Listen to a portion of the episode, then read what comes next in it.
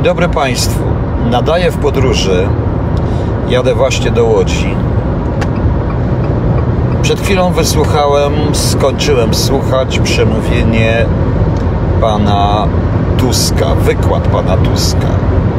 E, pan Tusk jest inteligentnym człowiekiem i to było dość inteligentne przemówienie, nawet więcej niż inteligentne. E, moim skromnym zdaniem ono nie było przeznaczone dla tych, którzy tam słuchali tego przemówienia, dla większości telewizów czy większości słuchających. Ono było przeznaczone tylko i wyłącznie dla jednej osoby, dla pana Jarosława Kaczyńskiego. To przemówienie mogło się podobać wielu, szczególnie wątek e, trochę na temat sztucznej inteligencji Chin, który mnie troszeczkę zadziwił, ale po pewnym rozpatrzeniu wszystkiego nie, nie zdziwił mnie. To przemówienie było ostrzeżeniem. Ostrzeżeniem dla pana Jarosława Kaczyńskiego i dla PiSu, co szykuje, na co pozwoli, na co nie pozwoli Unia Europejska. To przemówienie było wytyczaniem granic, do których może się Polska posunąć. Pan Tusk e, użył, e, twierdzi, że to jest równoważnik zdania e, wspólnota i jednostka. Wspólnota albo jednostka to nie jest równoważnik zdania, bo tam nie ma bezokolicznika, to jest ani żadnego czasownika w formie bezosobowej, w związku z czym to jest tylko i wyłącznie fraza. Wspólnota i jednostka Oczywiście, bardzo słusznie i pięknie, ale to oznacza poszanowanie jednostki przez wspólnotę i uznanie praw jednostki we wspólnocie, takich samych dla wszystkich jednostek składających się na wspólnotę. I oczywiście zwrotnie, wtedy jednostka uszanuje prawa wspólnoty. I tu dochodzimy do tego fragmentu o wartościach.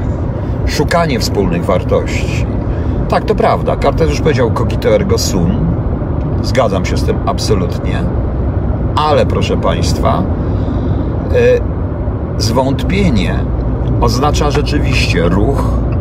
To jest pewien, pewnego rodzaju manichejski obraz świata w ruchu. Oznacza, oznacza ruch. Dochodzimy znowu do Kanta, tak jak chciał pan Tusk. Rzeczywiście dobre konstytucje wystarczą, nawet jeśli diabli rządzą. To też jest takim ostrzeżeniem i ewidentną oceną obecnych, obecnej władzy, e, władzy w Polsce. Ale, ale żadna część tej wspólnoty i tych elementów, zarówno kartezjańskich, jak i kantowskich, nie może narzucać jednostce swojego pojęcia rzeczywistości, a wręcz odwrotnie, uznać pojęcie jednostki również. Jeśli mówimy o wartościach, to pan Tusk zastanawiał się nad wartościami, budowaniem wartości, to proponuje, aby wrócić do wartości, które stworzyły nowoczesną Europę. Tą, która z Pax Romana, która z rzeczywistości heleńsko-rzymskiej przeszła w rzeczywistość chrześcijańską. I kiedy Pax Christiana był czynnikiem państwowo-twórczym nowoczesnej Europy.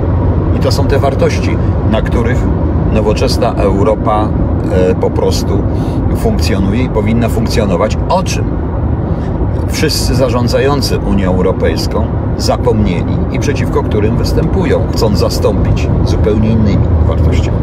Dochodzimy teraz do tego dość ciekawego fragmentu o Chinach.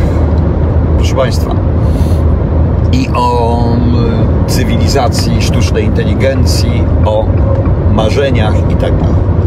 Czy w podtekście nie jest taka lekka zapowiedź ograniczenia dostępu do informacji i do internetu? Ponieważ ograniczenie dostępu do internetu, podobne dla dobra obywatela, oznacza ograniczenie dostępu do informacji. Oczywiście e, pan Tusk e, może powiedzieć, że to jest e, dana interpretacja, ale skoro przewodniczący Unii Europejskiej, człowiek, który dużo może w Europie i w Unii Europejskiej, mówi o rozmowach z Chinami, o inżynierii, e, o sztucznej inteligencji, o wpływie na wszystko, to w tle słyszę z jego pozycji, słyszę kolejne ograniczenia. płatny dostęp do internetu do pół godziny dziennie, na przykład y, ograniczenia, ponieważ ograniczenie informacji spowoduje, że łatwiej będzie ludźmi rządzić.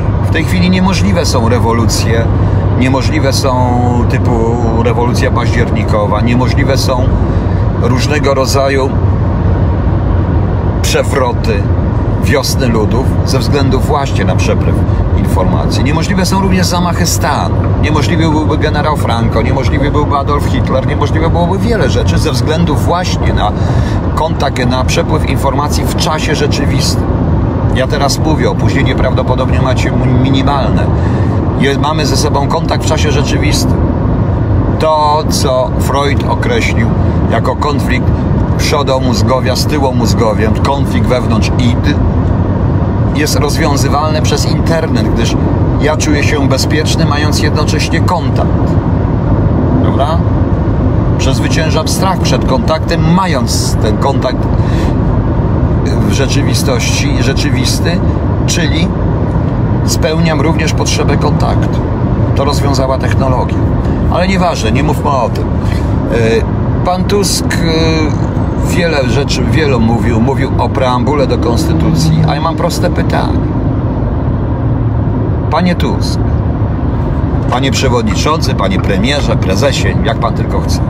Przecież to pana partia rządziła 8 lat. To pan od roku 1989 tworzył tą klasę polityczną, którą pan teraz krytykuje całkowicie. Czy nie czuje się pan odpowiedzialny za to, co się stało, e, co się stało w Polsce i co się dzieje w Polsce? Mówi pan o dzieleniu, a to wyście nie dzielili. Cytuje pan na koniec preambułę Konstytucji, proszę. I mam pytanie, czy to wy nie łamaliście tej preambuły?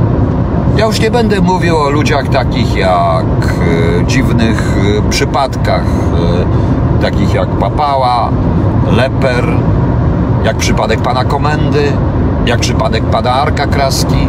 Może to małe rzeczy, ale pan też mówił o małych rzeczach, prawda? To są bardzo ważne rzeczy, bo to jest praktyczne stosowanie konstytucji. Ja już nie mówię o bałaganie pod tytułem, który zakończył się tragedią w Smoleńsku proszę tutaj nie myśleć, że ja mówię zamach, nie zamach, nie. Bałagan, którego pan był szefem. Bałagan, którego pan był szefem. Zakończył się tragedią wielu ludzi, w tym i pana przyjąć. I dotąd zrobiliśmy wszystko, by zamieść to pod dywan. Mówi pan o sojuszu. Mówi pan o sojuszu ze Stanami Zjednoczonymi. O różnych rzeczach dodając jednocześnie ów spójnik łączny i, wiedząc, że jest to niemożliwe.